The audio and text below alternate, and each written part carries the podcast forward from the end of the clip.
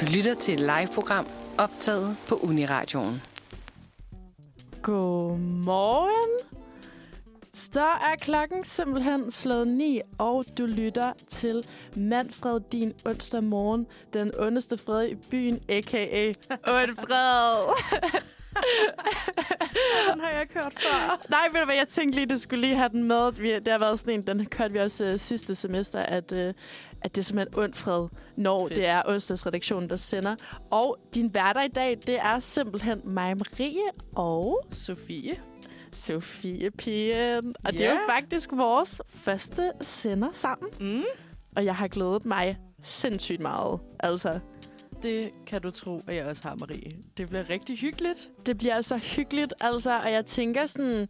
Altså, vi skal jo også lige lære hinanden lidt at kende her i studiet. Mm. Altså, øh, hvordan øh, vi begge to bedst kan lide at sende radio og sådan lidt af hvert. Men jeg tænkte faktisk, Sofie, om du måske kunne fortælle mig en lille fun fact om dig. Oh, Bare så, så jeg lige kan få en idé om, hvem er du som radiomenneske?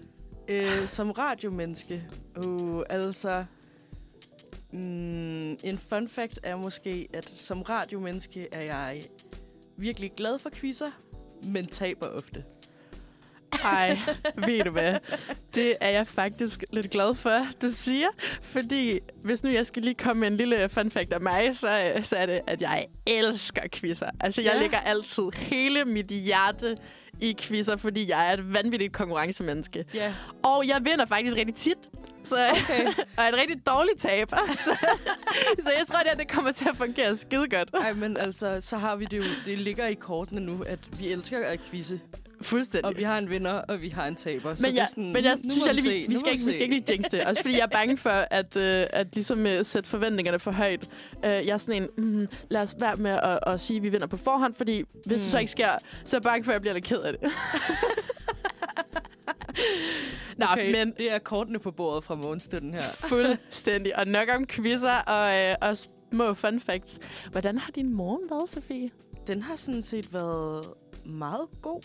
Mm. Jeg føler, jeg vågnede og var sådan lidt presset over tiden. Okay. Ikke sådan, fordi jeg var vågnet sent eller havde sovet over mig, Mm. men nogle gange er jeg bare virkelig sådan, uh, jeg ved godt, jeg skal op, og jeg ved godt, jeg skal afsted. Oh, så sådan, ja. nogle gange kan jeg godt bare lige blive, øh, det ved jeg ikke, så stresser jeg mig selv lidt, og er sådan, uh, nu skal jeg skynde mig ud af døren, og jeg skal lige låne den lynbade, og, Mm. og så kommer jeg afsted, og så øh, er jeg egentlig klar til tiden. Og så øh, er bussen forsinket. Og det er bare så typisk. Ja. Altså, det er også en ting, som jeg synes er lidt svært, når vejret er godt, og man ligesom tænker, hov, hov, nu skal jeg tage offentlig transport af et sted, mm. Hvor end jeg skal hen. Og så bare lige glem, at man, man skal altså lægge 10 minutter til, Ja. helst, Ja. for at være helt sikker på, at man når det og sådan nogle der ting. Mm, Mm. præcis. Men generelt, god morgen. Jeg har glædet mig til, at vi skulle sende radio og dejligt. øh, til at møde dig sådan rigtigt for mm. første gang. Ej, lige måde. Det er, så jo, meget. øh, det er jo hyggeligt. Vi har kun haft øh, online øh, møder Ja. med Og jeg- hinanden. Og jeg ved ikke, det er som om, altså sådan, man kan godt få en lille, lille fornemmelse, at man snakker jo med, med de andre mennesker, men, Mm.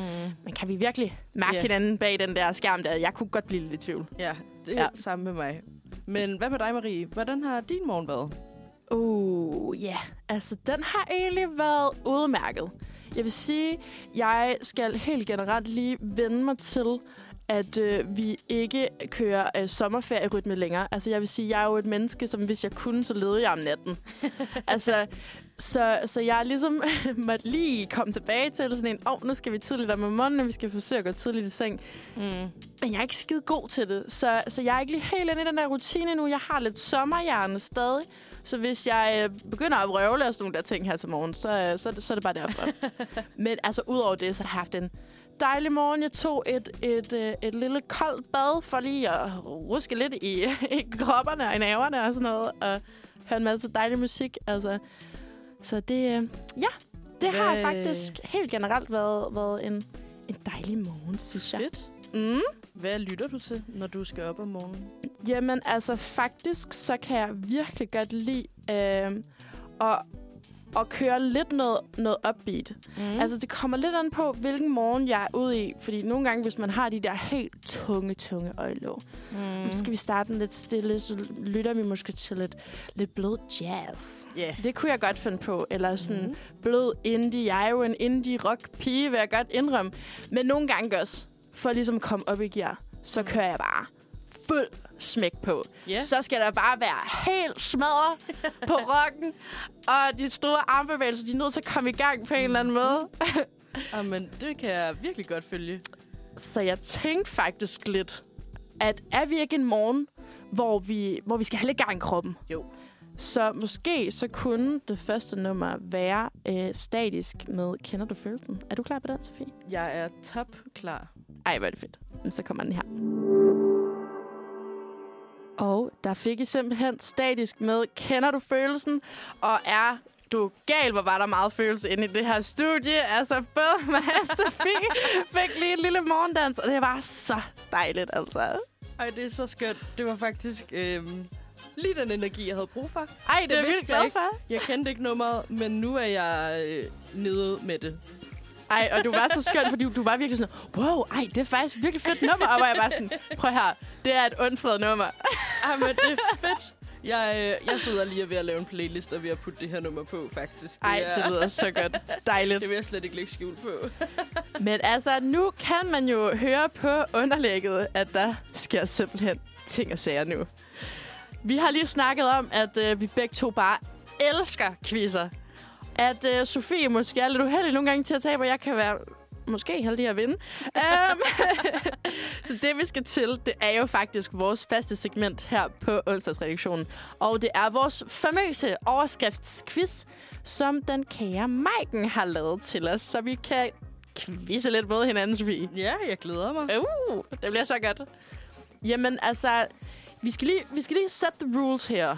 Fordi altså, det handler jo først og fremmest om, Mike har fundet øh, nogle forskellige overskrifter.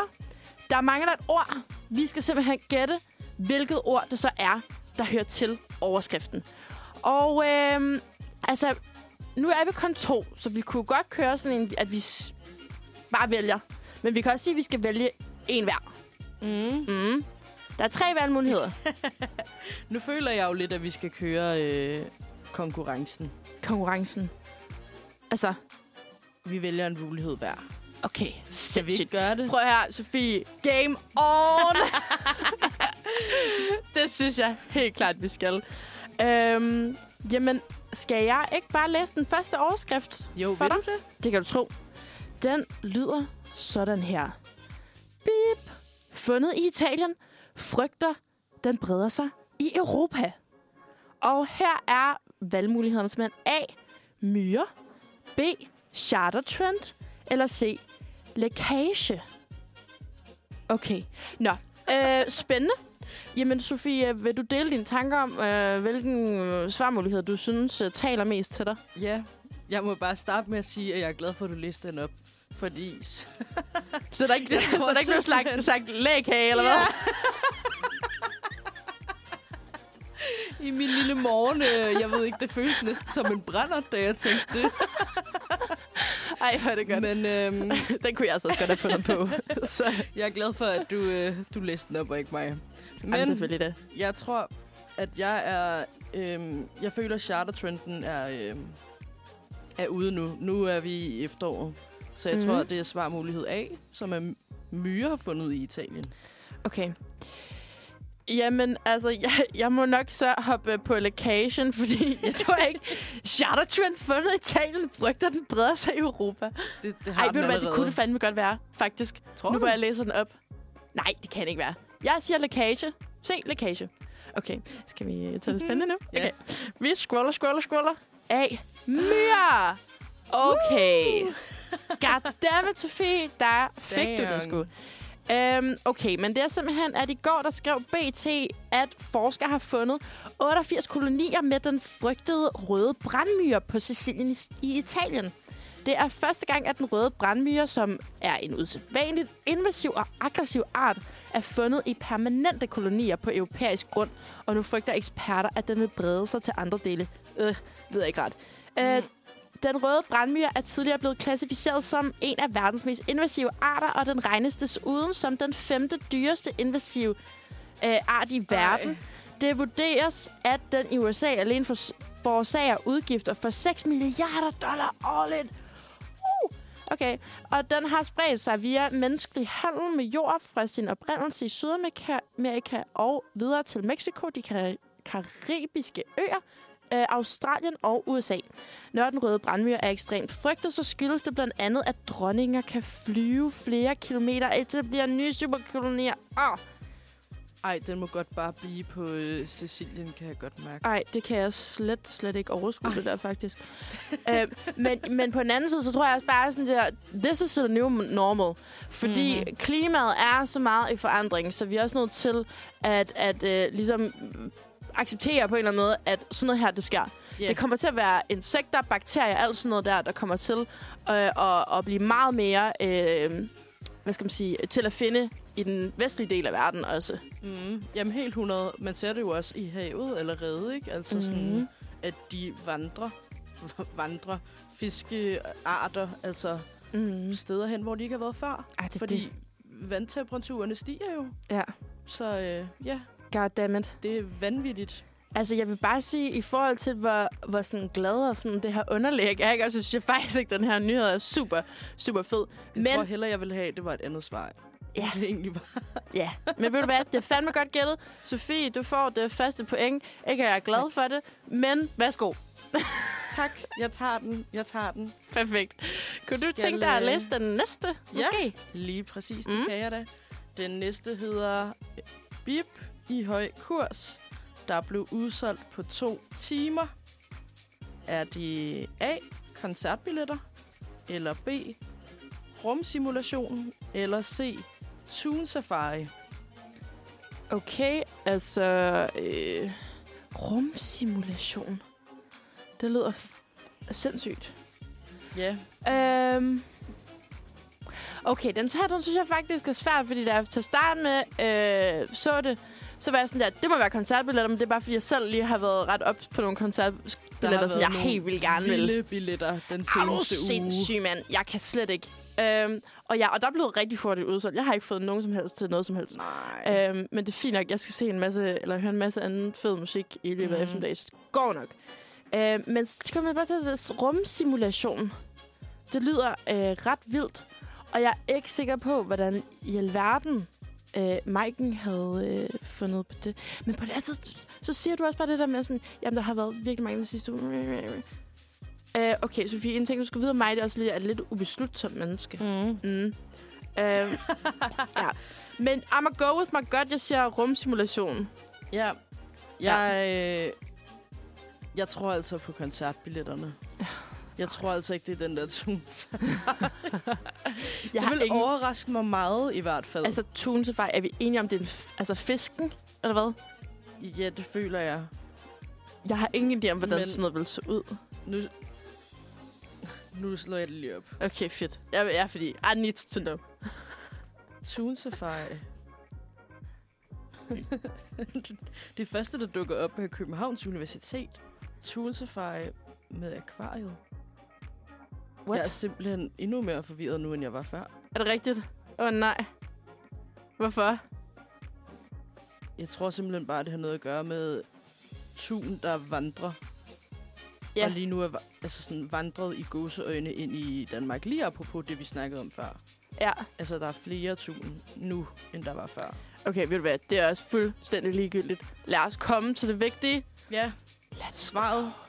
Vil du have lov til at... Øh, Ja, er Læse. klar? Svaret er... Nej! Svaret er C. Toon Safari.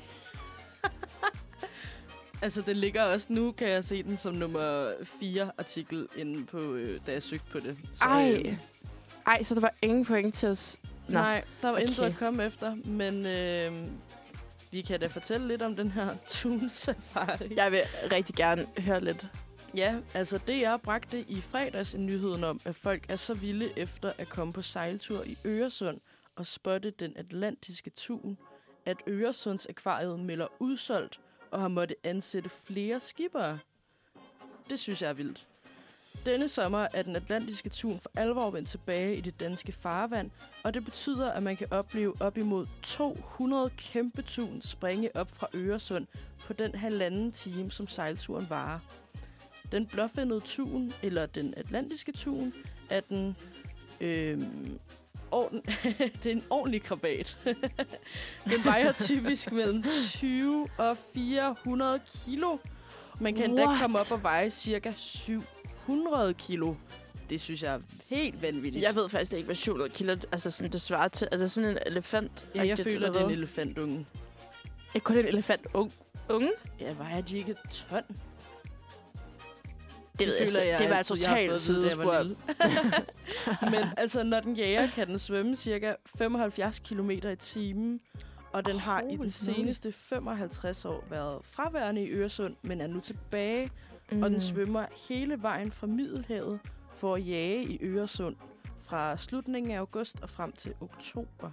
Så øh, ja, lige apropos det her fiskevandring, øh, fi- tun safari, så øh, ja, så er de her sgu igen nu. Vanvittigt. Altså, det der med, når de sådan svømmer så hurtigt, jeg får tænkt, kan man lave sådan en tunkaret?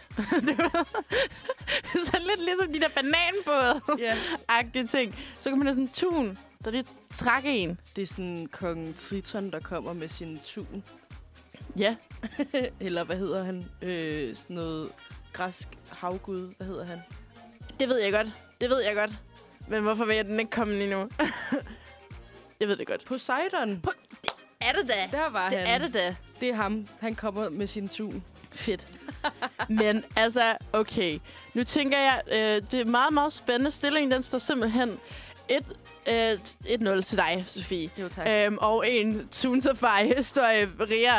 Øhm, jeg tænker lidt, skal vi, skal vi lige tage et nummer, øh, lige så vi kan komme op i gear? Ja, vi tager måske lige et ikke, nummer. måske Vi ikke med nummeret. Jeg, jeg tror faktisk, vi, vi er lidt med en stille ende den her gang. Okay, helt Men sikkert. i hvert fald så skal vi lige sådan, okay, stay focused. Så vi kommer ind i vores sådan, rigtige quiz-mind. Det er en rigtig god idé. Fedt. Hvad, hvad tænker du, vi skal høre? Jamen, altså, jeg tænker lidt, at vi skulle høre Julie Eleanor med Selfish Wishes. Den kommer her.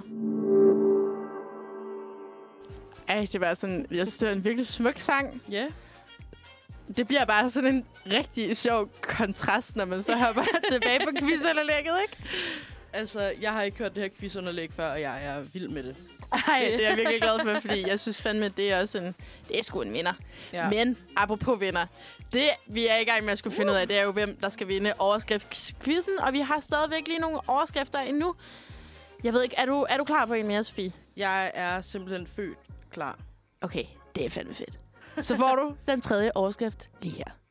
Kirurgens beep har betydning for chancen for at overleve. Okay, og her er svarmulighederne A. Løn. Nej, A. Køn. B. Løn. Og C. Arbejdstid. Ej. Ja. Mm. Spændende. Betydning for chancen for at overleve. Mm. Nu tænker jeg jo ikke, at det er kirurgens egen overlevelse, vi er ude Nej. i. Nej, jeg tænker også, vi er ude i patienternes. Ja, ja det absolut. Det er... Uha. Jeg tænker, det er C arbejdstid. Ja. Fordi det tænker Ja. jeg påvirker en til... Ja. Ja, evne til at arbejde.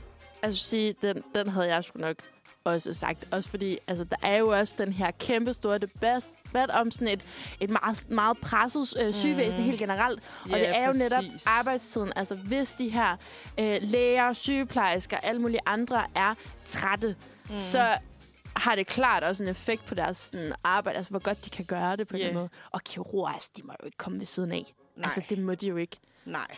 For sindssygt. Så vi er faktisk begge to ude i en C'er nu.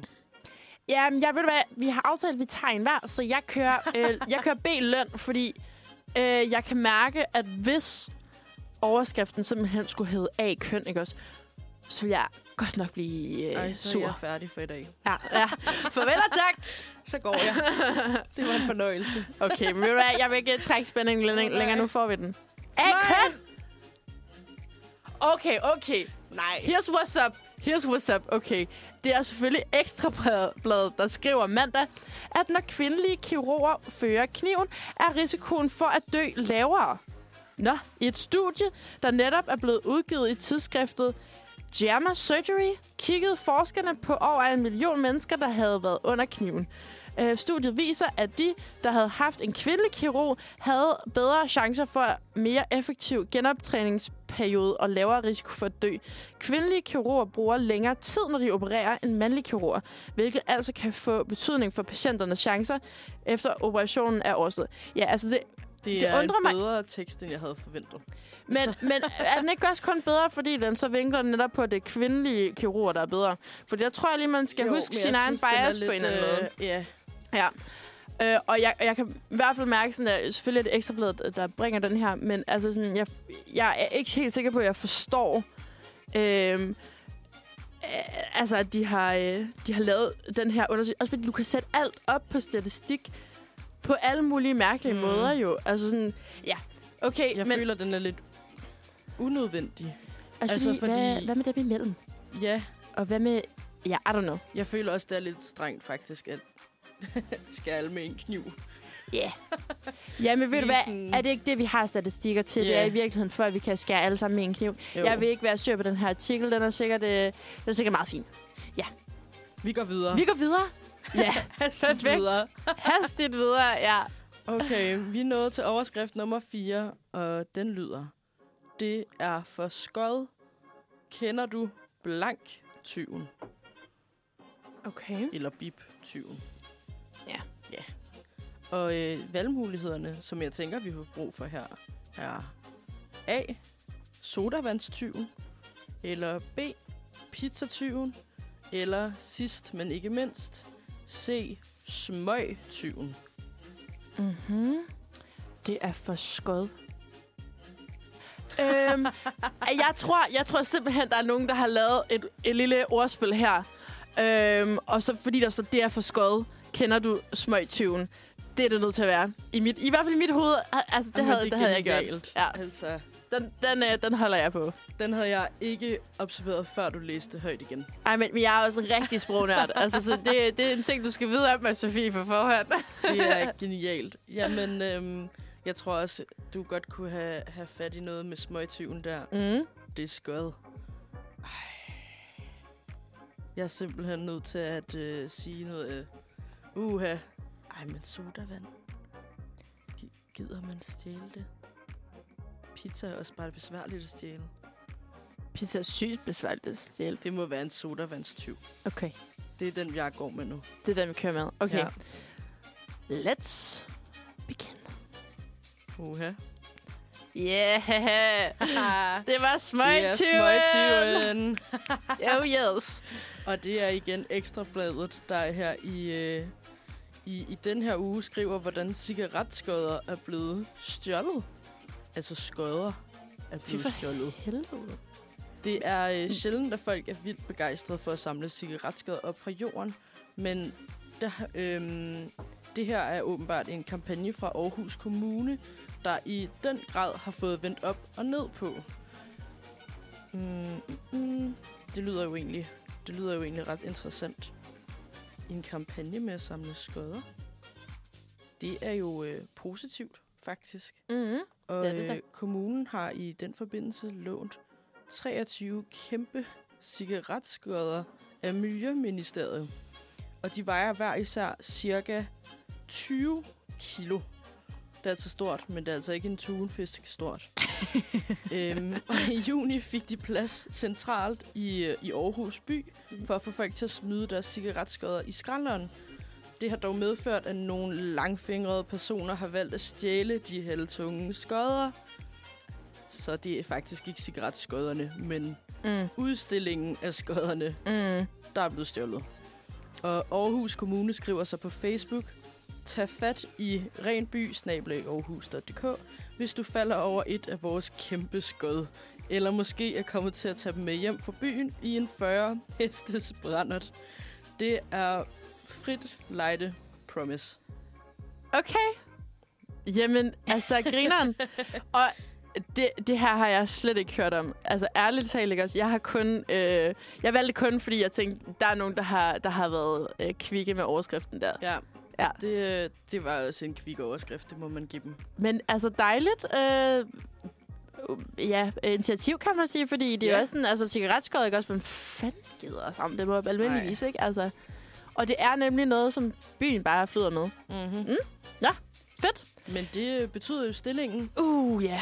Marie, det, det står 1-1. Det står nemlig 1-1, og jeg vil faktisk sige, altså det er intet ondt, men jeg vil faktisk sige, at vi har begge to været lidt skød.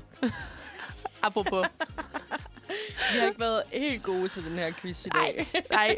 Men jeg vil bare sige, måske det er bare Mike, der så har været sindssygt kvik Ja. til øh, lige at, øh, at finde de rigtig, rigtig gode. Men jeg tænker, inden vi hører øh, noget musik, ikke også? Mm. Fordi vi kan ikke, vi kan ikke afslutte den her. Ej, Så vi er ude i en tiebreaker. det tror jeg også, vi er nu. Oh yes. Og det er simpelthen sådan her med tiebreakeren, at nu kommer der øh, et, øh, et, hvad skal man sige, et øh, postulat, eller en, en, en, okay, det er morgen, jeg skal lige i gang igen. Det er en overskrift, og så har Maiken fundet på et eller andet spørgsmål til det. Og derfor handler det simpelthen om at komme tættest på at gætte det rigtige tal. Yes. Og det er nemlig sådan her, overskriften lyder, Værsgo, ladcykelejere, I må holde på bilernes P-pladser. De er uundgåelige at komme udenom, og mange folk hader dem. Og måske vil folk i fremtiden have dem endnu mere, hvis de kommer hjem til synet af en ladcykel, som holder på en parkeringsplads til biler. Men ikke desto mindre kan det være tilfældet, skriver Cosmopol. Rent øh, teknisk, så er der intet, der forhindrer folk med en ladcykel øh, at holde på bilernes øh, P-pladser ifølge færdselsloven. Faktisk er det også lovligt at holde på cykelstier, gangstier og fortog. Nå, Okay, så man skal lige være opdateret på den der færdselslov der. ja, det må man sige. Men nu kommer det helt store. Åh, Men nej. hvor mange ladcykler og cykelanhængere findes der i København? Og vi skal simpelthen komme tættest på. Øhm, okay, jeg kan mærke, hvis vi er omkring en million, fuck, der er mange, der cykler på ladcykel. Øhm, jeg tror, der er 50.000 ladcykler i København. Jeg synes godt nok, det er svært at gætte. Mm. Åh, Det oh, er det også. shit. Det er simpelthen bare ikke noget, jeg har overvejet. Nej, det, heller ikke mig. Det, det har aldrig aldrig simpelthen lige sådan passeret mig sådan flygtigt tanken Mm. om, hvor mange ladcykler er der i, i København. Men det er også... Men, uh, Men altså, nu, altså efter det her, så får du svaret. Og så ja. kommer det til at være in your brain forever. Ja. Altså, det lover jeg dig. Hver gang der er nogen, der sådan... Hver gang der er nogen sådan... Ah, men ladcykel. Ah, der findes så mange! Ja. ja, fun fact. ja. Shit, Mega fedt. Du siger 50. ja, det gør jeg. Jeg siger 50.000. Så kan, du, Det har jeg svært ved at tro på. så kan du sige over eller under. Jeg føler ikke, der er så mange. Jeg siger. Mm. under, men jeg tænker, at det måske må være hvor meget under. Nu satser jeg på 20.000, Mm. bare for at gå betydeligt under. Okay, fedt. Er du klar på den her, Sofie? ja, det er Okay. virkelig spændende Let's faktisk. go. Shit. Ikke mindre end 40.000 ladcykler er svaret simpelthen, og cykelanhængere findes der i København Kommune, Shit. hvilket er flere end antallet af småbørn i kommunen. For sindssygt. Men jeg er altså ked af at sige det, Sofie. Ej. Der kom jeg sgu tættest på. Ej. Så endte det jo, som vi havde forudset. Ja, og ved du hvad? I'm not even mad. altså overhovedet. Ej, jamen, øhm, tillykke. Tak skal du have. Men det er jo sjovt, fordi altså, når der er 40.000 ladcykler, så er der til gengæld kun 152 p-pladser øh, specifikt til ladcykler. Så derfor så kan man altså øh, godt holde på de her p-pladser i stedet for, hvis det skulle være. Nå. Ej, men hallo. Mega fedt. Tak quiz. for øh, en, øh, en god quiz til Maiken for det første, og tak for god ro og orden, Sofie. Ja, tak lige måde. Skal vi måske høre lidt musik? Ja, Mm. det synes jeg. Okay, fordi jeg har fundet et nummer til dig, Sofie, og til yeah. lytterne, som jeg synes er sindssygt fedt, og som jeg faktisk har hørt live her i sommers. Mm. Og det er nogen, der hedder tredje person. Sindssygt, sindssygt seje drenge, som faktisk også spiller i Byhaven på fredag, kan give kæmpe anbefaling om, mød op, hør noget lækker musik. Og indtil da, så kan vi lige varme lidt op med deres nummer, der hedder Crash. Det kommer her. Og det var Crash med tredje person. Crash, crash, crash, crash. Og nu er vi tilbage. Du lytter til Manfred. Din værter i dag er Marie og mig, Sofie. Det er det nemlig. Vi er simpelthen færdige med quiz lige nu. Fordi øh, Ja. nu gider jeg ikke mere. Ej, ej, ej, ved du hvad? Det skulle også fair nok. For sjov. Øhm, men det er så ked at sige, at vi skal faktisk quizze til en anden dag. Men Spændende. altså, det vi har på programmet i dag, det er simpelthen, at vi kører kulturdag. Ja. Og det er fordi, i anledning af K7 Mm. øh, uge, den her uge, som er det her nye øh, kulturtiltag for unge, der synes vi altså, at vi var nødt til lige at sætte kultur på programmet her på Undfred. Øh, vi skal selvfølgelig øh, fortælle lidt om tilbuddet, men jeg tænker sådan, altså kultur, det er jo et meget vidt begreb. Så Sofie, hvad tænker du egentlig, når jeg siger kultur? Mm, jamen, jeg tror, for mig er kultur mange ting. Men nu læser jeg jo også engelsk og sprog og kultur. Oh, så ja. øh, jeg tror, for mig er det jo både det med at komme ud og få kulturelle oplevelser, som jo kan være det, du kan komme ud og opleve i den her uge. Mm-hmm. Teater, musik, al mulig scenekunst af forskellige arter. Mm-hmm. Øhm, der, ja, vidt omkring, ikke? Ja. Men det kan jo også bare være kulturen, man lever i. Det kan det. Det kan det. Altså, øh, det er sjovt, fordi jeg er også lidt inde, inde på det samme som dig. Altså, jeg tænker først og fremmest, at det kan være sådan meget traditioner, Mm. mm. som måske er bundet til særlige øh, lande eller folkefærd, religioner eller noget i den dur. Men jeg tænker også rigtig meget, altså sprog, ligesom du er ude i med det her med, med engelsk, så tænker jeg kunst, musik, sport og sådan generelt måske ting, som samler mennesker. Mm-hmm. Altså, at øh, kulturen ligesom øh, bliver det her samlingspunkt for mennesker, hvor det, sådan, det bliver deres fællesnævner. Ja. Altså, fordi mennesker er jo, som vi ved, enormt forskellige, uanset hvor man bor øh, og hvor langt man tager, tager væk. Øhm, men ligesom, at det bliver noget, der forbinder alle de her seje, søde mennesker. Mm. Men altså, det er jo bare igen, det er jo sådan en personlig, øh, personlig ting. Ja. Ja. Men øhm, vi skal jo også snakke lidt om dansk kultur i løbet af den her sender. Øhm, og det er jo fordi, at nu er den her K7-uge, den er jo netop her i Danmark. Mm. Øhm, men altså, når jeg siger for eksempel dansk kultur, er der sådan nogle særlige ting, der lige popper op i dit hoved? Ja, jeg står og griner lidt. Det Okay. første, der dukker op i mit hoved i forhold til dansk kultur, vil jo altid være vores vanvittige drukkultur Ja. Blandt unge. Oh damn. Oh, oh Ja. damn. Den Også er fordi- nemlig øh, vild. Altså, jeg er virkelig ikke i særlig god øh, form, men min drukform har aldrig været bedre, vil jeg sige, om på den her sommerfase. I get it, I get it. Damn. Festivalsommer. Fuldstændig, fuldstændig. Ja, det kan altså gøre noget. Men er der sådan andre ting, Mm. hvis der lige øh, popper noget op? Jeg synes bare, at dansk kultur rummer så meget, og jeg har svært mm. ved at Mm. lige at sætte, du ved, at sådan pinpointe noget. Ja. Mm. Hvad, tænker, hvad tænker du? Men det er jo det, fordi jeg sad også sådan i går og tænkte lidt. Øhm, og så tænker jeg først og fremmest, altså nu ved jeg godt, det bliver meget sådan egen næse på en eller anden måde, ikke også? Men Mm. altså, jeg bor i København, Ja. og jeg synes, København er fantastisk smuk.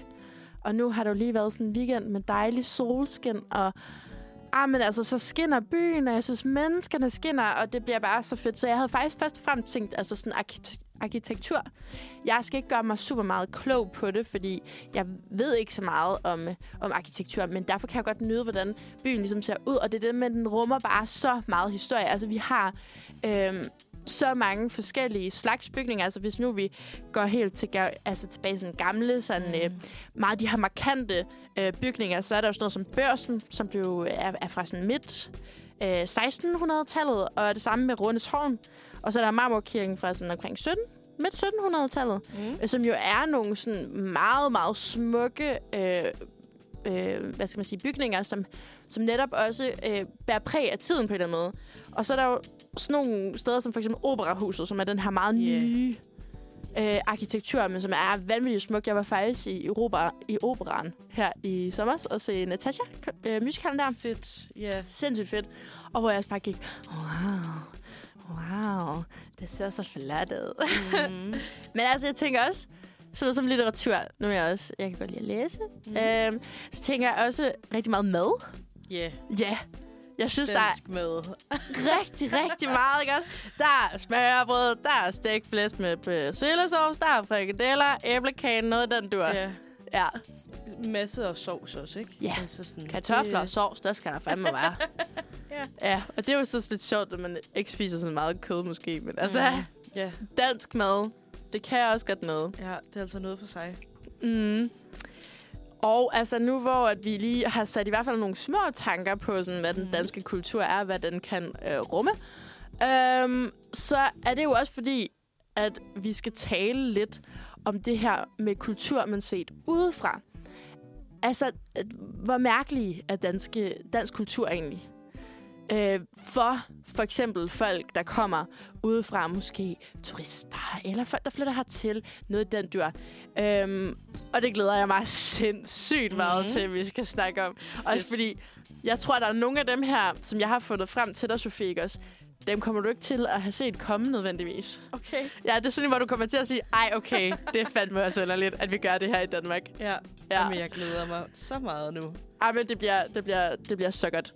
Men jeg tænker, inden vi går helt i gang med den her øh, K7-uge øh, her på Åndfred, så skal vi lige have et lille stykke musik. Ja, Kunne, du, kunne du godt bruge det, Sofie? det kunne jeg godt. Mm. Jeg tænker, øh, vi kunne for eksempel høre et lille nummer med August Højen. Det kunne vi jo for eksempel, fordi altså, som, som noget, jeg synes, der er sindssygt vigtigt ved kulturen, det er musik. Mm. Så her får I et lille stykke kultur med August Højen, der hedder Det hele handler om dig. Wow. Åh, oh, jeg fik lige the chills her til sidst. Åh, oh, et lækkert nummer. Ja. Ej, det hele handler om dig med August Højen. Ja, det var... Øh, det synes jeg var et godt stykke kultur lige at øh, starte vores lille øh, kulturdag på. Mm. Øhm, og altså, grunden til, at vi jo har sat det her på programmet, øh, jeg skal forresten lige huske at sige, at øh, klokken er 9.50, og du lytter til Manfred. Hvis nu du først er tunet ind nu, men velkommen til. Altid velkommen. Øhm, ja, så er det simpelthen fordi, det er K7 uge i denne uge, som er det her øh, nye kulturtiltag, øhm, som giver unge mellem 18 og 27 år fri entré på 180 museer og udstillingssteder i hele landet. Og samtidig giver det altså også rabat på billetter til øh, særlige spillesteder, for eksempel til klassisk musik og øh, til forskellige teatervenues, noget i den dur. Så det er simpelthen, du kan få et free pass til at gå helt alangamokas i Ja. dansk kulturarv.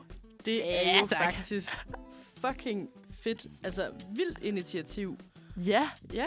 det er mega fedt. Men har, du- har du hørt om det øh, sådan for nyligt, Sofie? Altså inden mm. den her Mm. uge, den startede op? Jeg havde faktisk hørt om det sidste år, tror jeg. Og så Mm. har jeg glemt alt om det. Og så lige her i søndags, tror jeg faktisk, fik jeg sådan en, øh, du ved, sådan En en lille, reklame. lille andet. reminder. Ja, og så var jeg sådan, ej, jeg går lige ind og downloader det der kort der. Ja. Og øh, så har jeg glemt det igen. Indtil i dag. Oh my god. Men jeg kender det godt. Men ved du hvad, Sofie, så er det godt, vi kun er noget halvvejs i ugen. Du kan nå Mhm. det nu. Gå ud og være kæmpe øh, kulturspecialist. Øh. Ja. Men altså, øh, det er jo altså 180 forskellige øh, museer og udstillingssteder. Og det er altså i hele landet, så uanset om du vil sådan der øh, udforske din egen by, måske et helt andet sted, måske skal du øh, fra Sjælland til Jylland, eller Jylland til Sjælland, noget den dur. Men jeg tænker lige, at jeg vil lige nævne et par stykker, bare for at lige sådan sige, det her det er altså nogle sindssygt fede steder. Ja. Øh, der er for eksempel Blågård Teater, Designmuseum Danmark, Louisiana, Musikhuset København, Glyptoteket, Runde Tårn, Kunsthal Charlottenborg, Fotografisk Center, Musikkonservatoriet og Arkitekturcenter. Så der er simpelthen, og det er, det er jo kun en, en brøkdel. Altså hvis man går ind på hjemmesiden, så kan man simpelthen se, hvor mange forskellige, øhm, øh, forskellige tilbud, der er simpelthen er en del af det her nye initiativ. Så, øh, Så ja, du kan bare dykke øh, fuldstændig ned i det, hvis du har lyst til det. Og ja, tage på kulturelt eventyr, både i din egen by eller i andre danske byer. Og øh, nu, jeg havde faktisk tænkt mig at spørge dig, Sofie, om du havde hentet det der kort. Men det kan jeg jo så høre, at det har du. Det har jeg. Og det har jeg selvfølgelig også. Og altså til dem, som tænker, åh nej, nu skal jeg bare gøre alt muligt svært inde på internettet. Så skal du bare lige høre, hvor nemt det er. Du kan nemlig bare gå ind på hjemmesiden, og så kan du klikke op i højre hjørne på øh, det lille øh, symbol, der hedder Hent øh, dit 7K7-kort. Og så skal man udfylde sin info, så får man simpelthen tilsendt på mail, og så skal man bruge det her øh, kort til at vise i indgangen de forskellige øh, steder for at få adgang til dem. Mm. Det er easy, easy.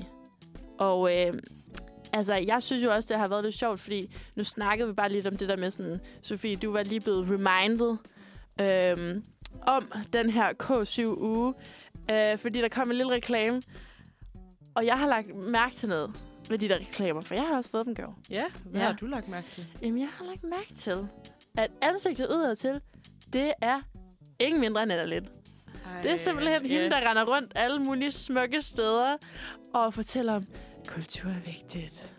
Lad os tage sammen ind. Okay, nej, jeg ved ikke. Ej, okay, det var så ikke... blev det en kult. Ej, det var det ikke. Det var ikke sådan. Hun snakker meget sejere. Øhm, men, men det synes jeg, øh, det synes jeg jo er lidt, lidt altså sådan, godt tænkt på en eller anden måde. Mm. Men altså, hvad, hvad tænker du i forhold til det? Altså, har du også lagt mærke til det lige præcis, hvad Anna Lind, de havde prøvet på øh, Det reklamerne? havde jeg faktisk ikke før. Lige i det sekund, du sagde det, kunne jeg ligesom tænke over, gud, jeg har godt, altså jeg har godt sådan registreret, at det var en eller anden, der så lidt cool ud på alle de der Ja, videoer og sådan. Men jeg har ikke lagt mærke til, at du var Anna Lind, og jeg elsker hende faktisk. mm. Jeg synes, hun er så sej. Så Ej, det, det på en eller anden måde giver det god mening for mig, at det er sådan en ung personlighed, som snakker så åbent om sig selv og mm. sin, sin oplevelse af verden og kultur. Mm. At det er hende, der ligesom. Ej. skal være billedet på det. Selvfølgelig. Og det er jo netop, som du siger, altså Anna Lind, hvis man ikke kender hende, så er hun jo den her øh, offentlige figur, fordi hun er tv-vært blandt andet. Mm. Øh, hun har også lavet forskellige podcasts, og øh, som du siger, det her med, at hun deler meget åbent ud, det gør hun for eksempel øh, på de sociale medier, men, men der har også lige været den her øh, rigtig, rigtig fine dokumentar på DR, som hedder øh, Anna har det fint. Yeah. øh, som netop handler om, hvordan man i, kan, kan sætte den her mur op for sig selv, fordi man i virkeligheden gerne vil vise alt det gode, man er, mm. alt det overskud, man har til sine venner og til sine omgivelser. Men i virkeligheden, så er der jo også en bagside af det. Yeah. Og når man gemmer det så langt væk, hvordan får vi det så frem i Mm. lyset? Og der har hun simpelthen taget os med helt inde bag den mur. Øhm, så kæmpe anbefaling, hvis man ikke skulle have set den. Den, øh, den rørte mig faktisk rigtig meget. Jeg følte mig enormt spejlet i det. Mm. Ja. ja. Mm. Hun er sgu, øh, hun er sgu fabelagtig, hun er. Ja, det er hun. Så jeg tror også bare, jeg var sådan lidt, okay, Anne Lind, hun render rundt på glyptoteket. Det skal jeg fandme også. Hvis Og-. Anna Lind gør det, så gør jeg det også. præcis, præcis. I will follow you anyway. Så, øh, så det virkede altså på mig. Jeg var inde, skulle bare have det der kort med det samme. Og så kan det være, at jeg møder hende på glyptoteket. Det håber jeg lidt. Ej, det håber jeg faktisk også lidt. Ja. Men jeg tænker, at øh, vi skal høre noget mere kultur. Og øh, øh, et stykke kultur, som jeg synes er meget vigtigt. Uh. øhm, er nemlig nogle sindssygt øh, seje øh, danske gutter, som hedder Blau Blume. Og øhm, de har lavet et nummer, der hedder Country, som også har lidt sådan en, en efterårs-vibe. Man kan godt mærke fa- altså bladene, der falder af træerne. Og nu er vi jo faktisk stået til efteråret, selvom de lover solskin i weekend. Men jeg synes, altså med de her grå skyer og lidt regnvejr og sådan noget der, så synes jeg godt, at øh, den måske passer meget fint til det. Ja. Skal vi ikke lige tage lidt på øh, efterårseventyr sammen? Jo, lad os gøre det. Perfekt. Så får I her Country med Blaublue med. Så er vi tilbage i studiet. Du lytter til Manfred. Yeah. Og øh, vi har lige snakket lidt om K7. Og nogle af de... Ja, du Marie har lige nævnt 10 fantastiske tilbud Mm-hmm. ud af de 180. Simpelthen 180 forskellige øh, museer og udstillingssteder. Og man kan sige, så ud over det var der så også altså teatre og spillesteder. Ja, Så altså mulighederne er mange. det må man Men sige. For lige at sådan nævne et par highlights, Mm-hmm. som vi er blevet enige om, Ja. kunne noget lidt særligt. Ja, Så I dykker hvert vi fald- lige ned i to. i hvert fald, hvor man lige sådan, uh, det her, Ja. det kunne være sindssygt nice Mm. at, at prøve sig til. Så nu vil vi lige gør det. Men det kunne, altså, ellers er det i hvert fald en kæmpe op- opfordring til andre. Ja, yeah. Yeah. og lad os starte med at tage over broerne og væk fra Sjælland. Og tage over ja. til øh, et fantastisk tilbud til øh, ungdommen og til alle mulige andre nysgerrige. Mm-hmm. I Ribe ligger der et museum, jeg har hørt om, og endnu ikke har haft mulighed for at opleve. Okay. Det hedder Hex, og det er et Museum of Witch Hunt, som også er en del af K7.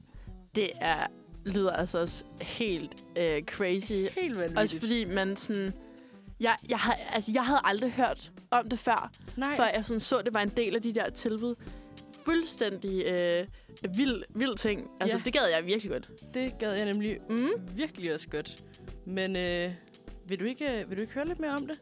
Jeg har nemlig Prøv at Sofie. researchet lidt. Jeg har glædet mig så meget til at skulle høre om det, så du er fire Ja, altså museet har jo en, øh, en unik historie, kan man sige.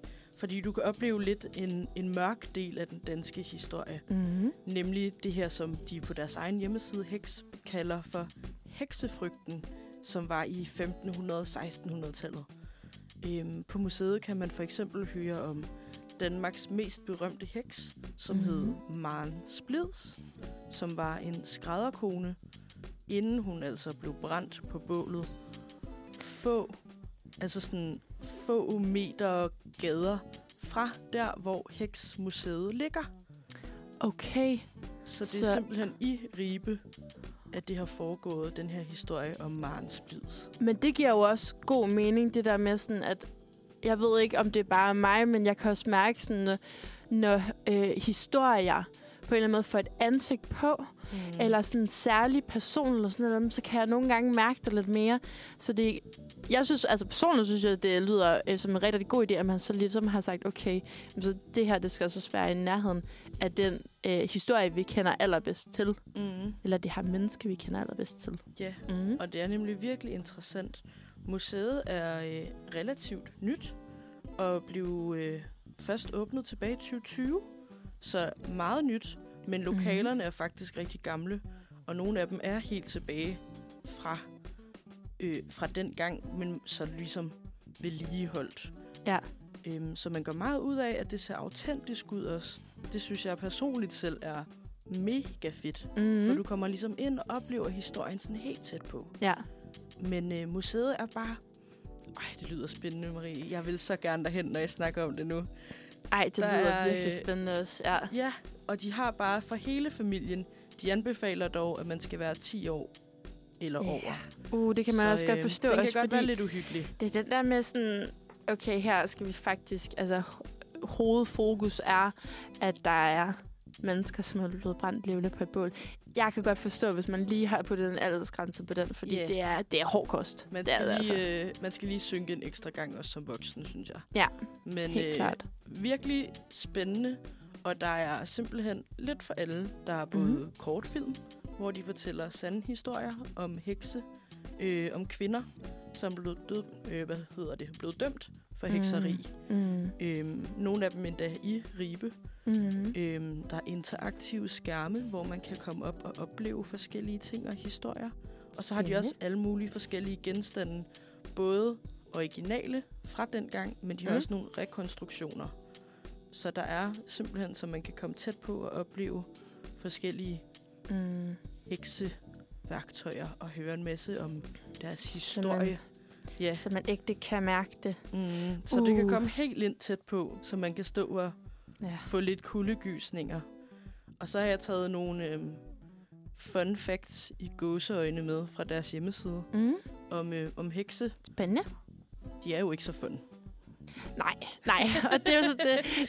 Jeg er glad for, at du lige, lige, du lige siger det. Okay, jamen, perfekt. Lille disclaimer. Så lad mig høre fun nogle ikke facts. fun fact-. De er, øh, de er faktisk super triste. Men øhm, den første er, at 10 nej, 100.000 mænd og kvinder i Europa blev i 15-1600-tallet anklaget for trolddom.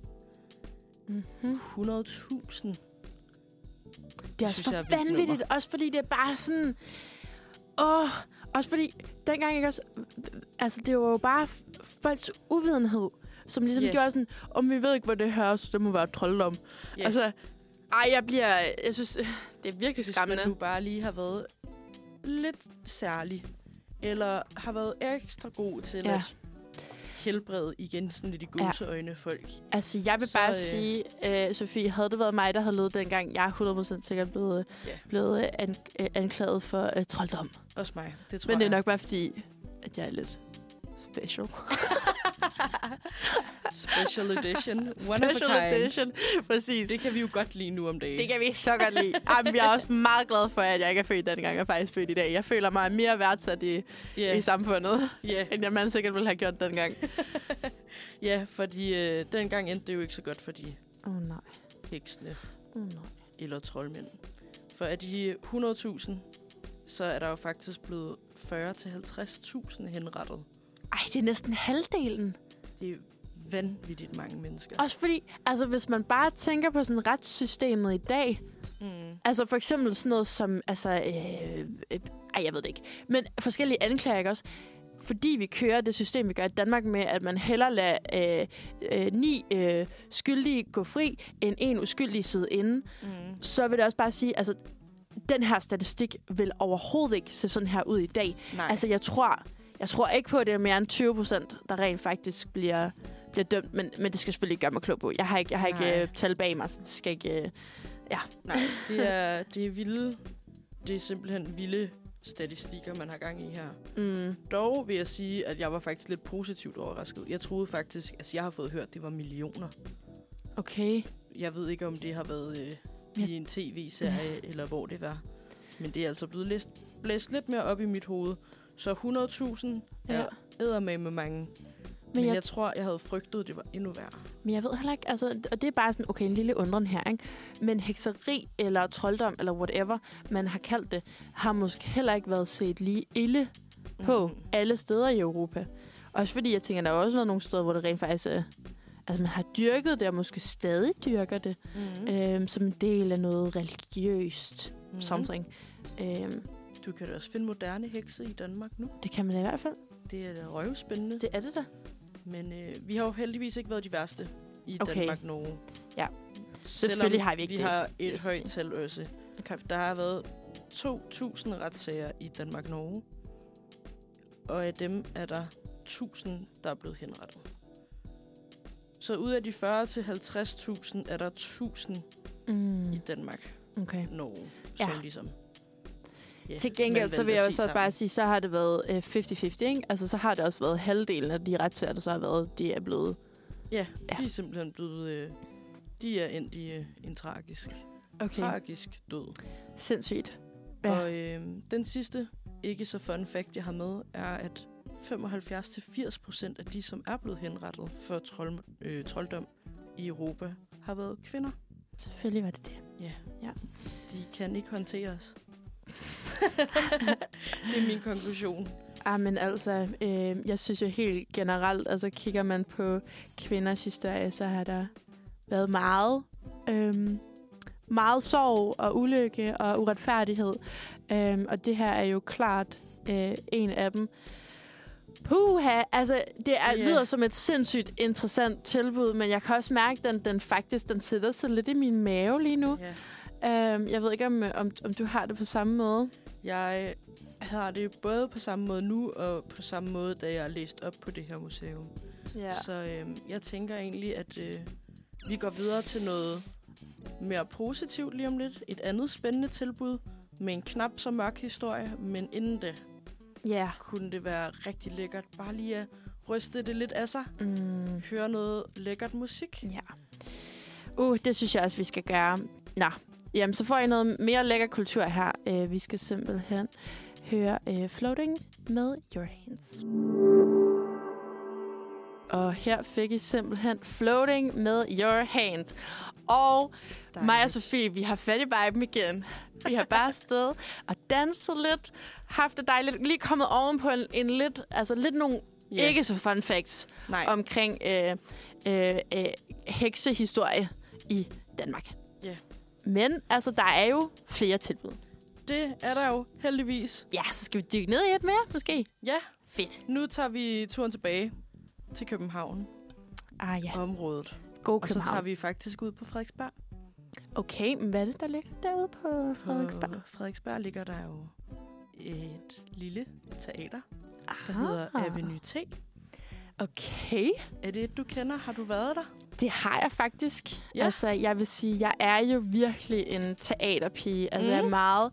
Jeg tror, jeg er et meget sansende menneske, sådan helt generelt. Så det der med sådan... Jeg suger simpelthen stemninger til mig.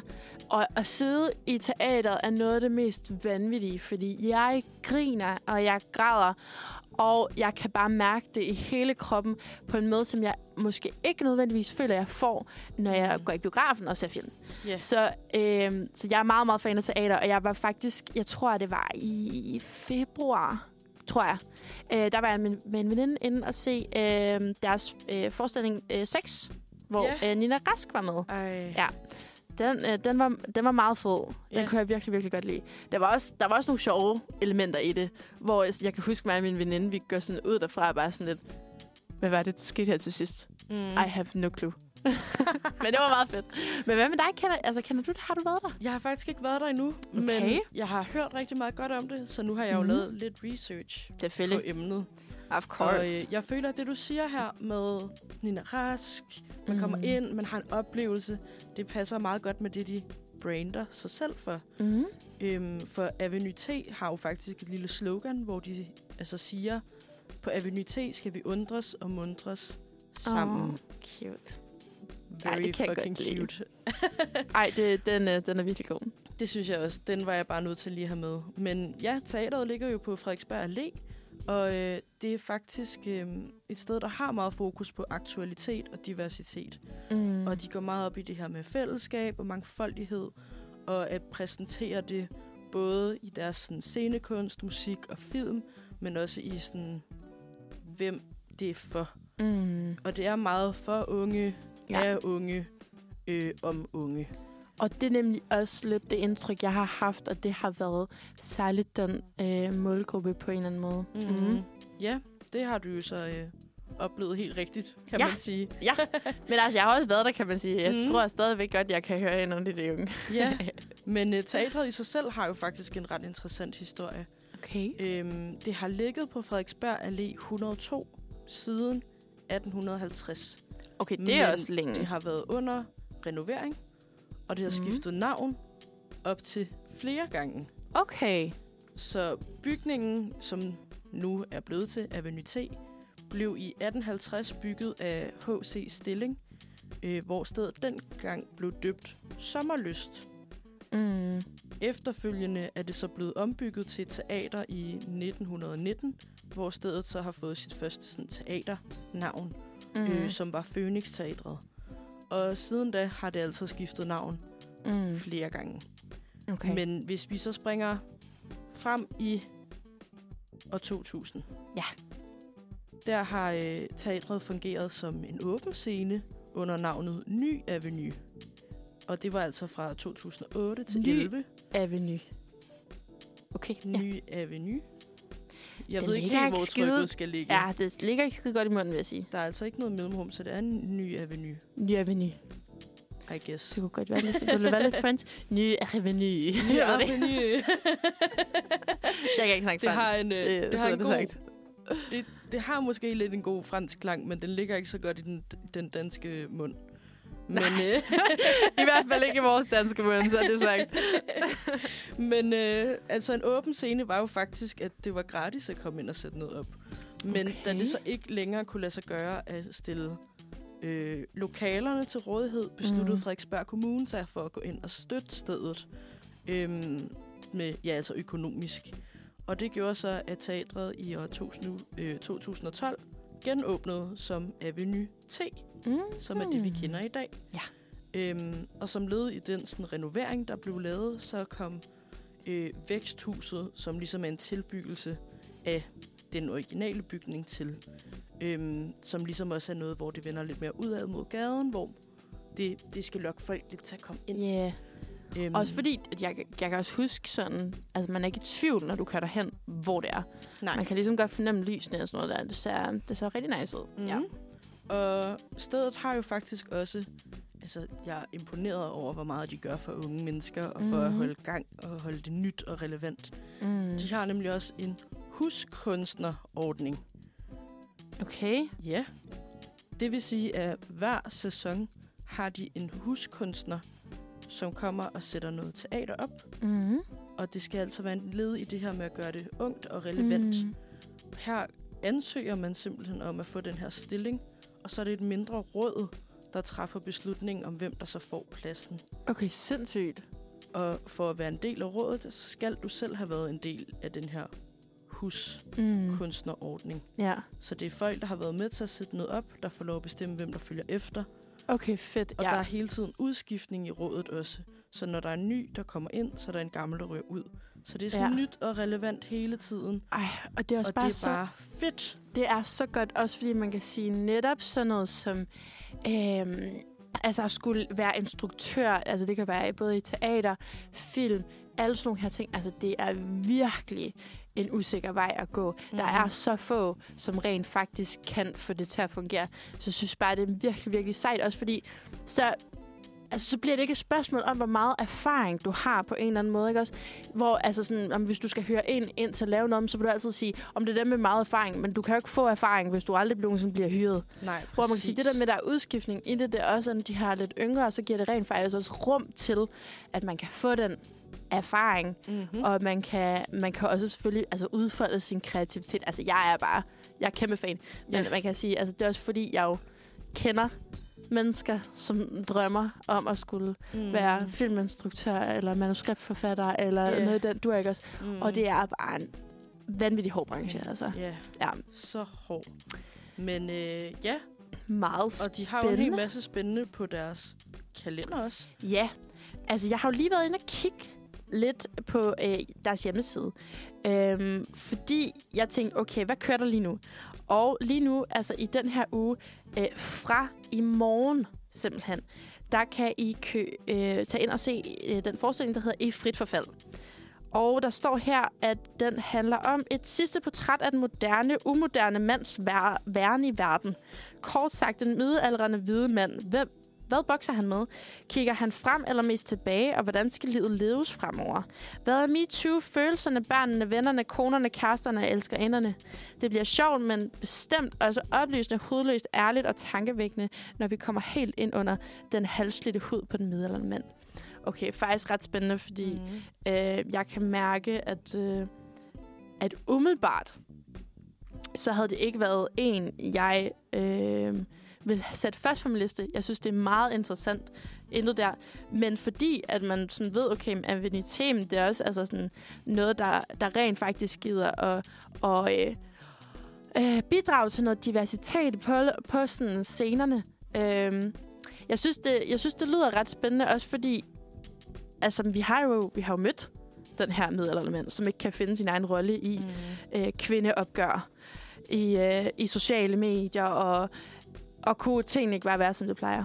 Så ej, det lyder sindssygt spændende. Ja, Okay. jeg tænker nemlig egentlig også lige præcis, at fordi den ender på Avenue gør den, at jeg vil synes, den var mere relevant. Ja. Øhm, altså fordi, at jeg tror måske ikke, at et teater om en middelaldrende hvid mand vil tale til mig normalt. Ej, det appellerer ikke lige så meget Nej. til du og jeg, kan man sige. Men fordi den bliver sat ind i en kontekst, jeg føler, jeg kan relatere til, så tror jeg, at den bliver mere relevant for mig. Og fordi man ved, at Avenité går op i diversitet, og at det skal være øh, relevant og relaterbart for unge, så er det der, jeg tænker, at mm, måske bliver den her alligevel også interessant for mig at se. Okay. Mega, mega nice. Altså, jeg synes, det det er nogle gode overvejelser. Mm. Ja, det kunne jeg også godt finde på. Men altså, nu hvor vi snakker om, øh, om den middelaldrende mand, der måske ikke lige kan finde så meget sig selv, så synes jeg faktisk, vi skal, skal, vi skal høre et nummer med Toby Ernest, som hedder Man, I'm So Tired. Den kommer her. Og her fik jeg simpelthen Toby Ernest med Man, I'm Tired. Men jeg føler lidt, at øh, det er det, det, er det modsatte af, hvad vi er, var Sofie? Jo, det tænkte jeg faktisk også lige præcis. Vi er, der er fandme gang i os i dag. Og det er jo, fordi vi fejrer øh, en lille K7-uge. Mm. Øhm, og det er jo nemlig det her øh, kulturinitiativ, øhm, som øh, unge kan benytte sig af i den her uge. Vi har lige snakket om nogle øh, fede, øh, fede øh, steder, man kan tage hen og opleve nogle ting. Øhm, men jeg synes jo også bare sådan helt generelt, det er lidt sjovt, sådan, at, øh, at der er blevet lavet det her tiltag mm. til netop unge mennesker. Fordi jeg, det får mig bare at tænke, okay, men hvis, hvis de gerne vil have, at, øh, at kulturen ligesom skal appellere til de unge mennesker, øhm, altså, hvad- hvad ligger, hvad ligger bag det? Og jeg tror i virkeligheden, at... Øh, altså, jeg kan i hvert fald huske ved sidste valg, der var det især øh, moderaterne, som yeah. jo gik meget op i det her med øh, kulturpolitikken.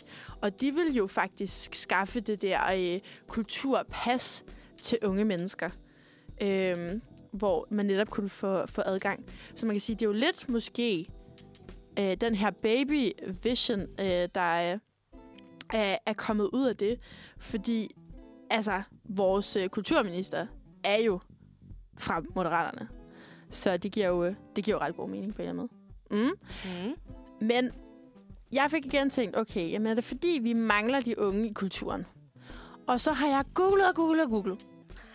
og jeg har fundet øh, en borgerundersøgelse fra øh, Applaus, som øh, er fra øh, 2022. Og det viser sig nemlig, at her har de lavet sådan en, en undersøgelse af unge mennesker versus mere ældre øh, publikum om, hvor vigtigt man ligesom synes øh, forskellige øh, former for kultur er. Altså det kan være musik, teater, de her ting. Men Mm. også øh, deres opfattelse helt generelt om, altså hvad det er. Og jeg synes, det er lidt interessant, at øh, der er det sådan her, at, øh, at markant færre unge under 30 år synes, at klassisk musik er vigtigt i forhold til sådan øh, gennems, gennemsnittet. Altså det er simpelthen 10% lavere end gennemsnittet. Og det er signifikant flere af de 60-plus-årige, som synes, at netop klassisk musik er vigtig. Og øh, helt generelt, så er det det her med sådan, jamen, selvom unge de går mere i teateret, så finder de det altså mindre vigtigt øh, at gå i teateret Mm. end ældre mennesker. Så øh, ja, det har... Øh, altså jeg kan godt forstå, at man måske gerne vil tiltrække det lidt yngre publikum. Yeah. Øhm, men igen, altså kultur er måske også, hvad man gør det til. Så skal vi tvinge noget ned over hovedet på folk. Det kan man jo, det kan man jo diskutere. Det synes jeg helt sikkert øh, Ja, er en god pointe. men apropos noget, som vi tvinger over hovedet på folk, fra de bliver født. Mm. Det er jo øh, de traditioner, som er en del af dansk kultur. Ja. Og det er faktisk det, jeg har glædet mig allermest til at snakke om, Sofie. Fordi øhm, jeg har oplevet i hvert fald den her med, at så, øh, så har jeg mødt andre mennesker fra andre lande. Øhm, og så siger de, why do Danish people uh, do this? Og så er jeg sådan, wow, det har jeg faktisk aldrig tænkt over. Jeg har, jeg har, bare, jeg har bare gjort det forever. Jeg har mødt faktisk en, en franskmand her i, øh, i weekenden, som var sådan, uh, why don't you lock your door? Og så sådan, det dag. Det skal man da ikke. Hvor, hvor han var sådan, jamen prøv her, du går klar over, at de fleste sådan indbrud, det sker om, om dagen. Og så sådan, ja, jeg er på Danmark. Altså, Ja. hvor han siger, det er normalt. Altså, at øh, de, her, de låser sgu døren whenever. Ja. Men, okay, jeg har igen øh, googlet øh, for at se, hvad det er for nogle små traditioner eller mærkelige ting, vi gør, som vi har fået ind med modermælken, modermælken og derfor ikke har opdaget. Måske er lidt weird, mm. at vi Mhm. som danskere gør. Jamen, jeg glæder mig. Ja. Og øh, nummer et, den hedder simpelthen, at vi hopper ind i det nye år. Og det er simpelthen, altså når vi hopper ned fra en stol, sofa eller kammeratens skulder, når klokken den slår 12 nytårsaften, er det altså ikke helt normalt. Øhm, og det er jo den her gamle tradition med, at man skal hoppe ind i det nye år for godt held. Ja. Det er simpelthen, så starter man på en frisk, starter på det nye år, og hvis man ikke gør det, så ved man jo godt. Altså, faktisk så sjovt, jeg havde ikke tænkt over sådan, at, at grund til, at man, altså, man gør det, det er for, at man ikke vil have uheld. Jeg tror, jeg var bare sådan, jamen, jeg hopper ned på den her stol, fordi jeg synes, det er fedt. Mm. altså, men, Ej, det er sjovt. ikke også? Det er faktisk virkelig... Øh, det er virkelig sjovt, du siger det, for jeg har jo aldrig tænkt over, at jeg har bare hoppet. Ja, Jeg Det har er bare det det. sprunget fra den der stol, eller sofa, eller tænkte, bord, eller Som om det er gang. det mest normale i hele verden. Ja, Ej, det er så fedt. bare accepteret, at det gør vi. Og sådan er det jo med traditioner. Okay, den næste her, ikke også? Den er slå katten af tynden til fastelavn. Den har du nok hørt før. Ja, måske.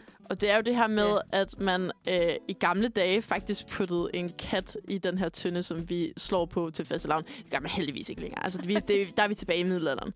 Øh, nu er der bare slik ind i og glade dage. Ja. Ja. Og, Det fungerer bedre sådan. Det, det tør jeg godt sige. ja. og så der er jo også den her, som vi faktisk er lidt i forlængelse af noget, vi har snakket om tidligere. Og det er jo det her med, at vi brænder heksen på bålet til Sankt Hans.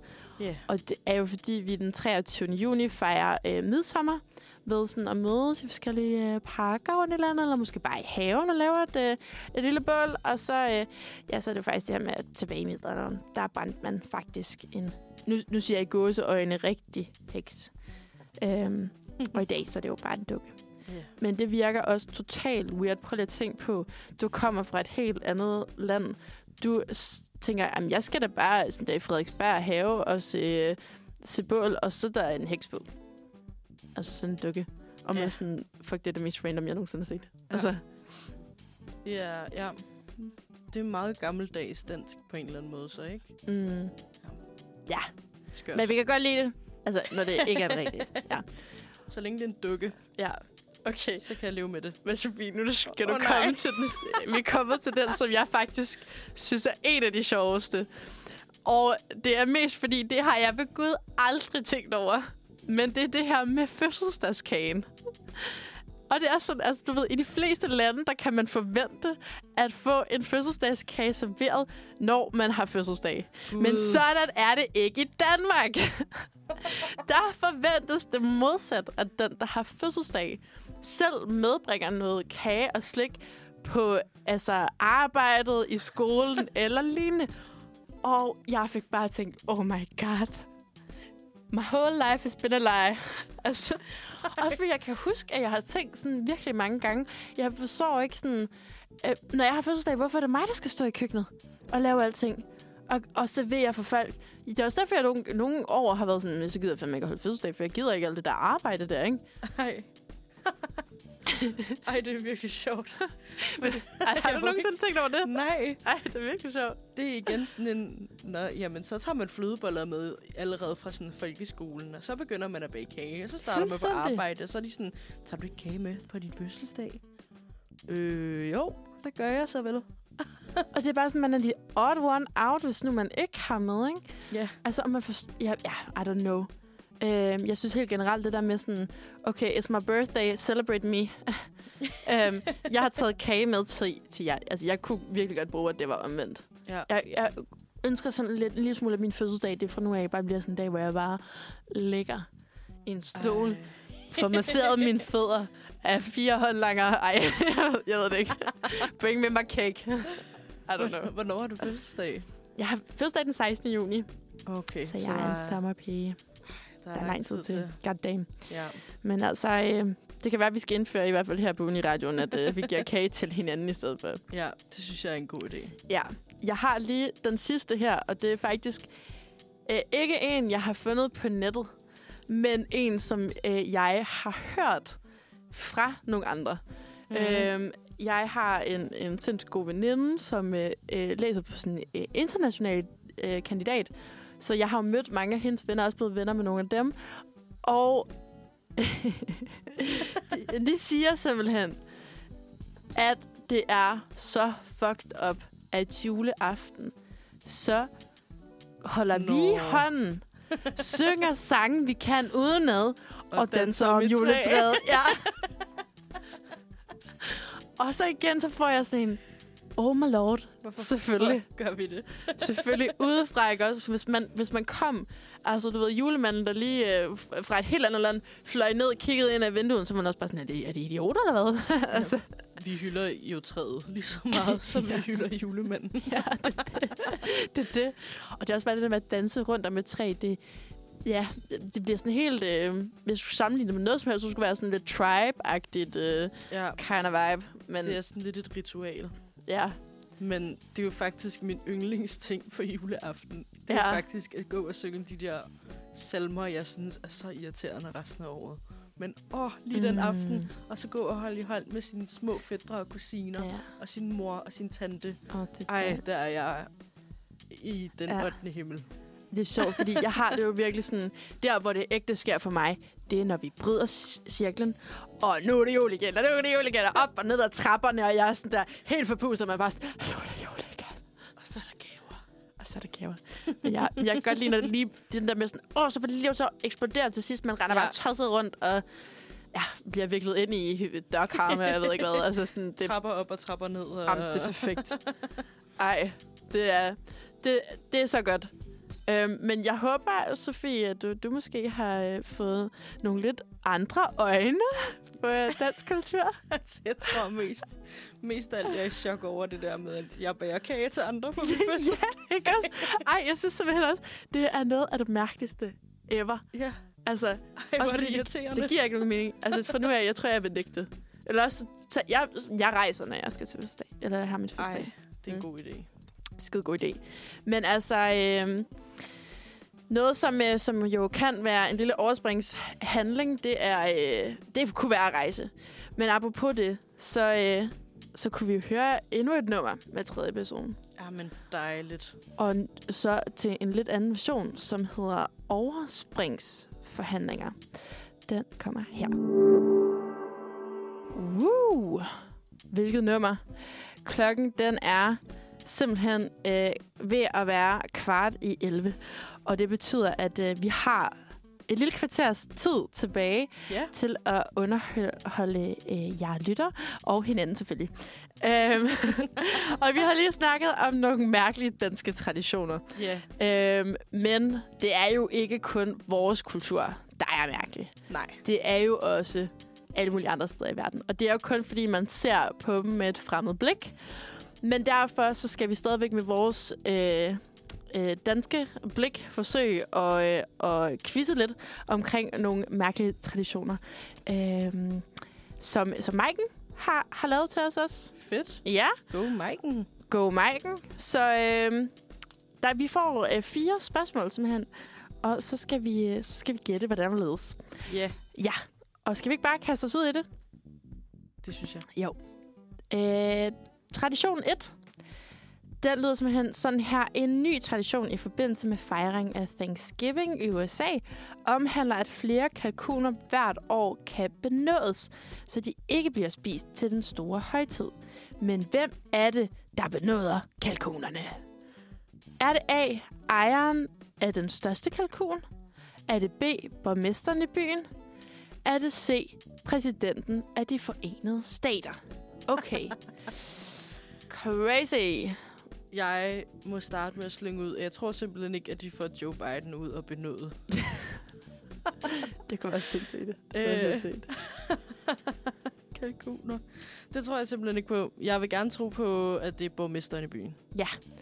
Alright. Uh, jeg tror, at det er A. Ejeren af den største kalkun, fordi jeg føler lidt, det er sådan en traditionsting.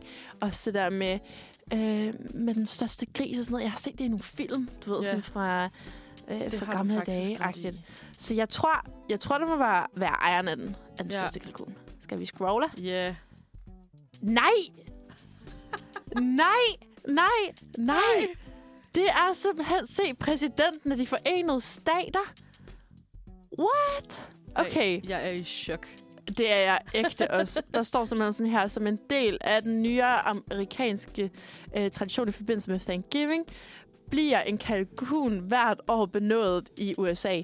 Det er, den selveste, det er selveste den siddende amerikanske præsident, der har den kæmpe ære at stå for benådningen.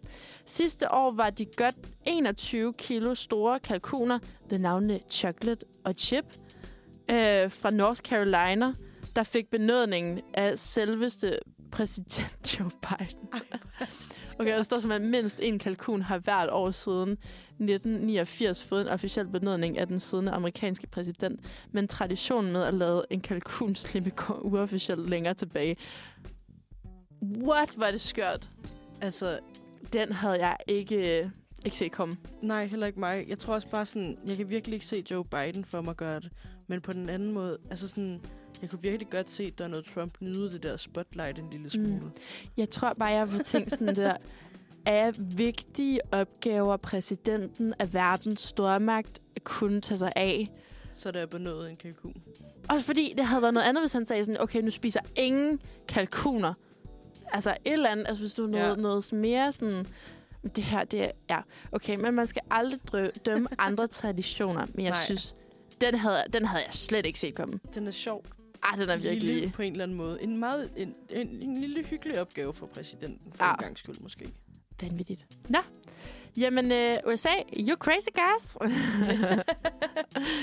Nå, vil du læse øh, den næste? Jamen, det kan du tro, jeg vil.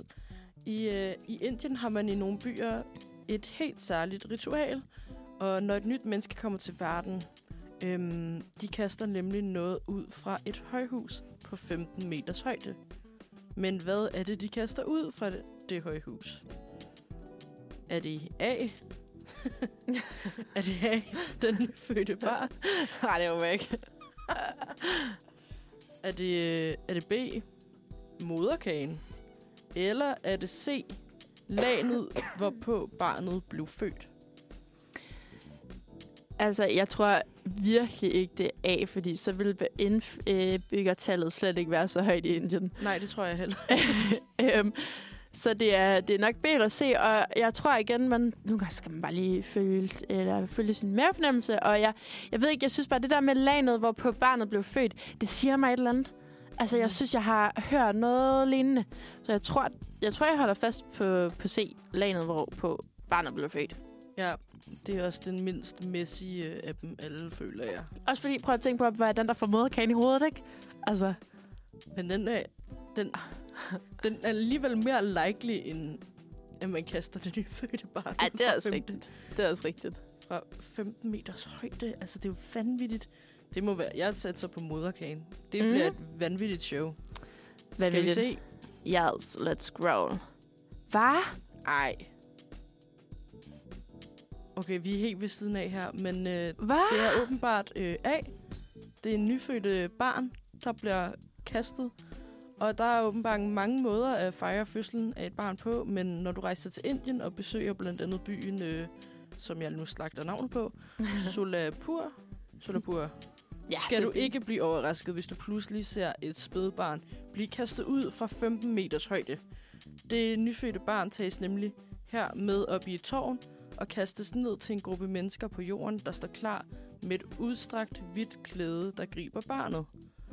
Men helt nyfødte behøver børnene ikke at være. Øh, kastes, øh, hvad? Kastet skal bare udføres, før barnet fylder to år. Det er stadig vanvittigt for mig, at man kaster med et barn på et år. Øh, Også 15 meters højde. Jeg, så har, jeg synes, noget af det mest terrifying, jeg har været ude for, det var at skulle springe fra 10 meter ved dem, ikke? Altså, jeg tror, 5 meter ved dem var nok for mig. shit, ja, mand. Det er altså åbenbart en 500 år gammel, øh, lidt bizarre tradition, øh, som skulle siges at øh, gøre barnet stærkere og sundere, og øh, byens indbyggere påstår, at ingen børn er kommet slemt til skade som følge af den her nedkastning. Ja, påstår de. Påstår Men, de. Jeg øhm, kan ikke forestille mig, at der, der er blevet kastet med så mange børn fra 15 meters højde, det ikke er gået galt på gang. Nej, sådan har jeg det også. Og det skulle jeg bare ikke lige være med til. For som jeg sagde sidste gang, vi skal ikke dømme andre traditioner. Lad os rykke videre til næste. Ja, vi skynder os hastigt videre ja. til tradition nummer tre. til tradition nummer tre. Øh, okay. Det er simpelthen... Altså, øh, det, vi er tilbage til Danmark, simpelthen. Vi har virkelig mange vanvittige traditioner her i Danmark, så vi skal jo lige nævne en af dem. Og en af de stolteste danske traditioner er simpelthen J-dag. Jeg ved ikke, om jeg synes, det er en af de stolteste. Men den er der, og den er lidt skør. Men hvornår er det egentlig J-dag? Den sidste fredag i november? Den første fredag i november? Eller den 1. december?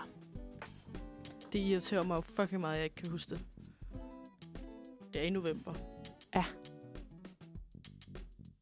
Jeg tror, det er den første fredag i november. Øhm, altså, det ved jeg, det er. øhm, men jeg, jeg siger bare det sidste fredag i november.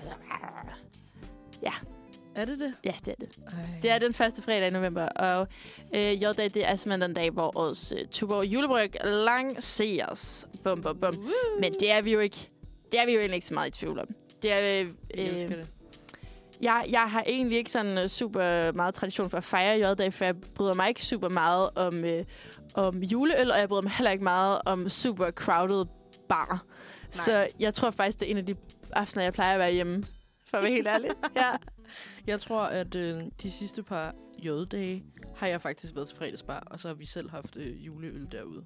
Ah, Okay. Ikke givet gratis, men så har de været billigere den dag. Mm. Og det har været fucking hyggeligt. Det lyder sindssygt nice. Ja. Jamen, øh, okay. Første point i hus. Den går over til dig, Sofie Pien. Yes. Jeg er glad for det. Nu vandt vi- du tidligere. Nu kan det være, at Ja, jeg måske er risk Growler. Okay, Jamen, øh, skal vi kaste os over den næste? lad os. Store oste, der ruller ned af en stejl bakke, forfulgt af løbende mennesker. Det lyder som et vanvittigt arrangement, men om ikke andet er det altså noget, der findes et sted i virkeligheden. Men hvor foregår det? Er det i A. Irland, B. Skotland eller C. i England? Mm-hmm. Jeg tænker, det er de her store møllehjul af oste. Ja. Og så tror jeg bare, jeg er sådan... Øh, hvem er det nu, der laver meget ost? Altså, rigtigt. min første tanke var jo Holland, Ja, og så var det slet Okay. ikke en mulighed. jeg, jeg er også bare sådan... Altså, shit, man, det ved jeg, det ved jeg faktisk ikke rigtigt. Øhm. Hmm. Okay, det bliver, det bliver et skud i togen. Jeg tror bare, jeg siger England. Okay. Ja. Jeg tror, jeg siger... Jeg tror, jeg siger Skotland, Okay, fordi jeg føler, at de har flere bakker. det har du ret i. Det har du ret i. Måske skal jeg sige Irland i stedet for, faktisk. Jeg ved det ikke. Ej, jeg bliver bare så sur, hvis jeg siger Irland nu, og så er det bare England. Jeg føler også, det, altså, det kunne være...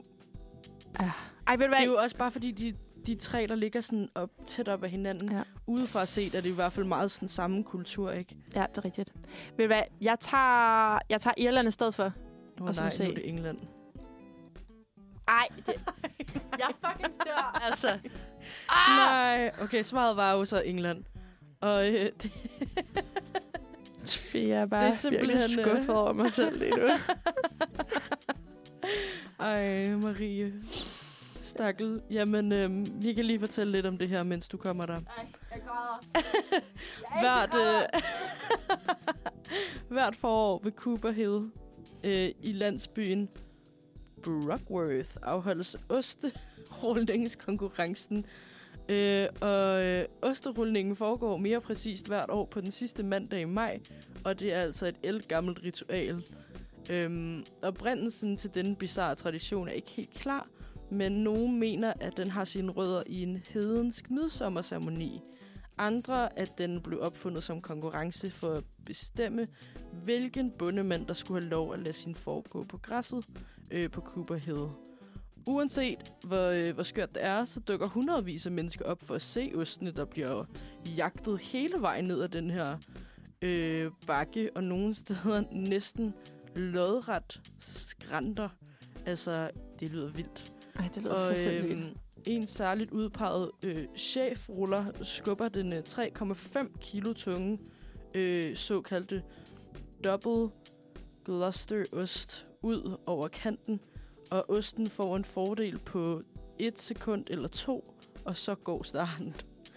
Og øh, den første til at nå bunden og fange osten, får altså lov at beholde den. Ej, det er fandme mig sjovt. Nå, Ja, mærkeligt også. Det, det er simpelthen vanvittigt. Også at der i 1997 kom så mange mennesker til skade, at ritualet er blevet, blev aflyst året efter. det, er, det er altså en vild tradition. Det kunne være, at man skulle tage til England for at se det. Altså, jeg har ikke sådan et, et, et, et yderligt ønske om at få brækket en arm og sådan noget der. Nej. Men puha, Sofie, lige nu ikke også. jeg har det virkelig... Øh. Uh. Det, det, det gør lidt ondt i maven. Men, øh, men ved du hvad? Nu må vi se. Det endte simpelthen med, at den her øh, lille traditionsquiz, den går 1-0 til dig, my friend. Så det bliver slet ikke nødvendigt med tiebreakeren alligevel. Ej. Og måske er det meget godt, så får vi op, også opretholdt balancen. Jeg skal jo heller ikke tro, at jeg er quizmasteren, vel? Altså. Jamen altså, jeg er Ja. meget glad. Jeg fik alligevel et win i dag. Ja, det er sgu dejligt. Så nu er, nu er man klar til dagen. Det er godt til dig. Og altså, øh, udover at være klar til dagen med et godt win, så føler jeg også, at vi er, vi er blevet godt klædt på til en dejlig kulturuge. Mm. Øhm, og det håber vi, at jer, der lytter med, også er. Yeah. Men som vi snakkede om tidligere, noget, der er bare så vigtigt for vores kultur, det er jo øh, musik. Øhm, så skal vi høre et lille stykke musik, og så siger vi tak for i dag. Ja, det synes jeg da. Skal vi ikke det? Jo, det lyder så godt. Jeg har fundet øh, en sang, der hedder Wonderful Day med Handshake, og vi ønsker jer bare verdens bedste onsdag. Ja, tak fordi I lyttede med. Tak for i dag. Hej.